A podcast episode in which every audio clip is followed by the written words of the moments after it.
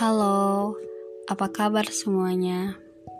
Aku harap kalian baik-baik aja ya. Selamat datang di Random Talk. Aku nulis di episode kali ini aku akan bercerita, hmm, berbicara tentang friendship. Ya, friendship. Manusia sebagai makhluk sosial pastinya tak akan bisa lepas dari yang namanya pertemanan. Tak jarang dari sebuah pertemanan kita mengenal satu sama lain secara mendalam. Lebih jauh lagi, pertemanan yang terjalin erat menjadi sebuah persahabatan. Tetapi, bagaimana bila hal itu menyangkut lawan jenis? Apakah benar itu persahabatan atau ada rasa cinta yang tersirat? Yang perlu kita ingat kembali, persahabatan tak hanya terjalin sesama jenis saja, tetapi dengan lawan jenis juga. Maka sangatlah mungkin terjadi yang namanya sahabat menjadi cinta. Berawal dari kedekatan yang berlangsung secara terus-menerus, perasaan ingin berteman kemudian berubah menjadi rasa ingin memiliki. Oldman and Taylor pernah menulis dalam buku Griffin yang terbit pada 2009. Kalian bisa baca buku itu bahwa pada dasarnya seseorang akan mampu untuk berdekatan dengan seseorang lainnya sejauh kedekatan tersebut mampu melalui proses ikatan hubungan dari komunikasi yang superficial menuju komunikasi yang lebih intim. Lalu, apakah bisa dua lawan jenis bersahabat tanpa mengikut sertakan perasaan ingin memiliki di dalamnya. Sepertinya cenderung sangat tidak mungkin ya. Aku juga gitu. Oke, lanjut ya. Persahabatan yang terjalin antara dua lawan jenis telah melalui susah dan senang dalam hubungan tersebut. Maka pastinya dari pengalaman itu akan ada harapan yang timbul bukan harapan bersahabat lebih lama, tetapi harapan memiliki yang kemudian termanifestasi sebagai keinginan, keinginan, maaf, keinginan memacari sahabatnya. Hmm. Uh, dalam penelitian yang dilakukan Brennan and Sever yang aku pernah baca dalam jurnal dimension of adult attachment, affect regulation, and romantic relationship functioning. Uh, maaf kalau misalnya pengucapan bahasa Inggris aku jelek karena ya gitu masih belajar. Oke lanjut yang jurnal itu diterbitkan pada 1995 menyatakan bahwa individu akan membawa satu gaya keletakan dalam hidup. Gaya inilah yang akan berperan dalam membimbing dan membentuk cara individu berhubungan dengan orang lain. Namun, bukan berarti dari gaya kelekatan yang dikemukakan Brennan and Sever akan membuat persahabatan lawan jenis sebagai hubungan yang jelas gaya kelekatannya. Hubungan persahabatan yang telah memiliki rasa ingin memiliki di dalamnya tak jarang akan menjadi cerita romantis. Namun tak melulu demikian, sering didapati persahabatan yang romantis malah menciptakan friendzone. Siapa nih yang yang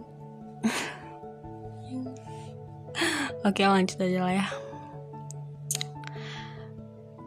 Oke Friendzone ini terciptakan dikarenakan kebingungan kedua lawan jenis dalam menentukan hubungan emosional emosional kok tipe mulu ya oke okay. dalam menentukan hubungan emosional emosional yang mereka jalin bersama. Oke, okay, and then Berti dalam jurnalnya yang pernah aku baca yang membahas friendzone pada 2015 menjelaskan bahwa friendzone itu sebagai kondisi di mana seseorang memiliki perasaan romantis atau seksual yang tidak terbalas terhadap temannya. Hmm.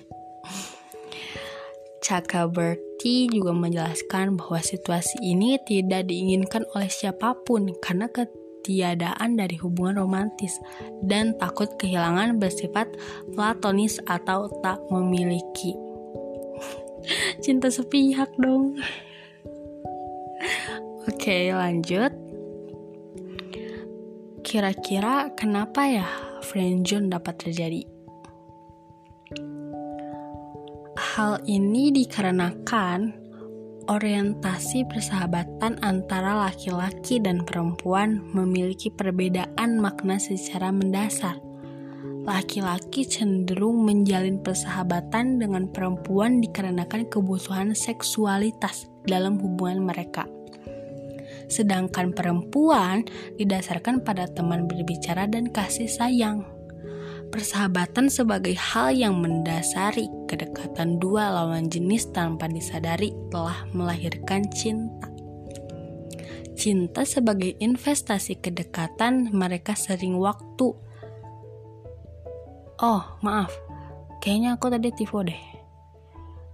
Hmm, jadi oke okay, kita lanjut lagi. Maaf ya kalau misalnya banyak tipe. Kayak first time aku bicara gini.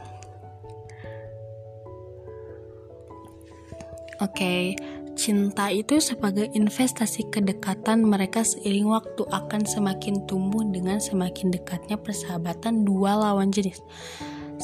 Hmm, kalau sederhananya itu laki-laki menjalin persahabatan dengan perempuan dengan tujuan aktivitas bersama. Di sisi lain, perempuan lebih mengarah pada pikiran dan perasaan. Benar kan? Ya betul. I think and then I feel it. Oke. Okay. Ada tiga faktor yang mema yang memengaruhi munculnya friendzone. Pertama, kurangnya kualitas untuk menjadi menarik secara fisik, percaya diri dan kompeten agar dapat menarik perhatian sahabat lawan jenisnya. Dan yang kedua, friendzone juga dapat terjadi karena kurangnya kecocokan antara kedua lawan jenis. Kekurangan inilah yang membuat friendzone tercipta satu sama lain. Dan yang ketiga, friendzone terjadi hanya pada satu orang yang berkomitmen terhadap hubungan, sedangkan yang satunya tidak.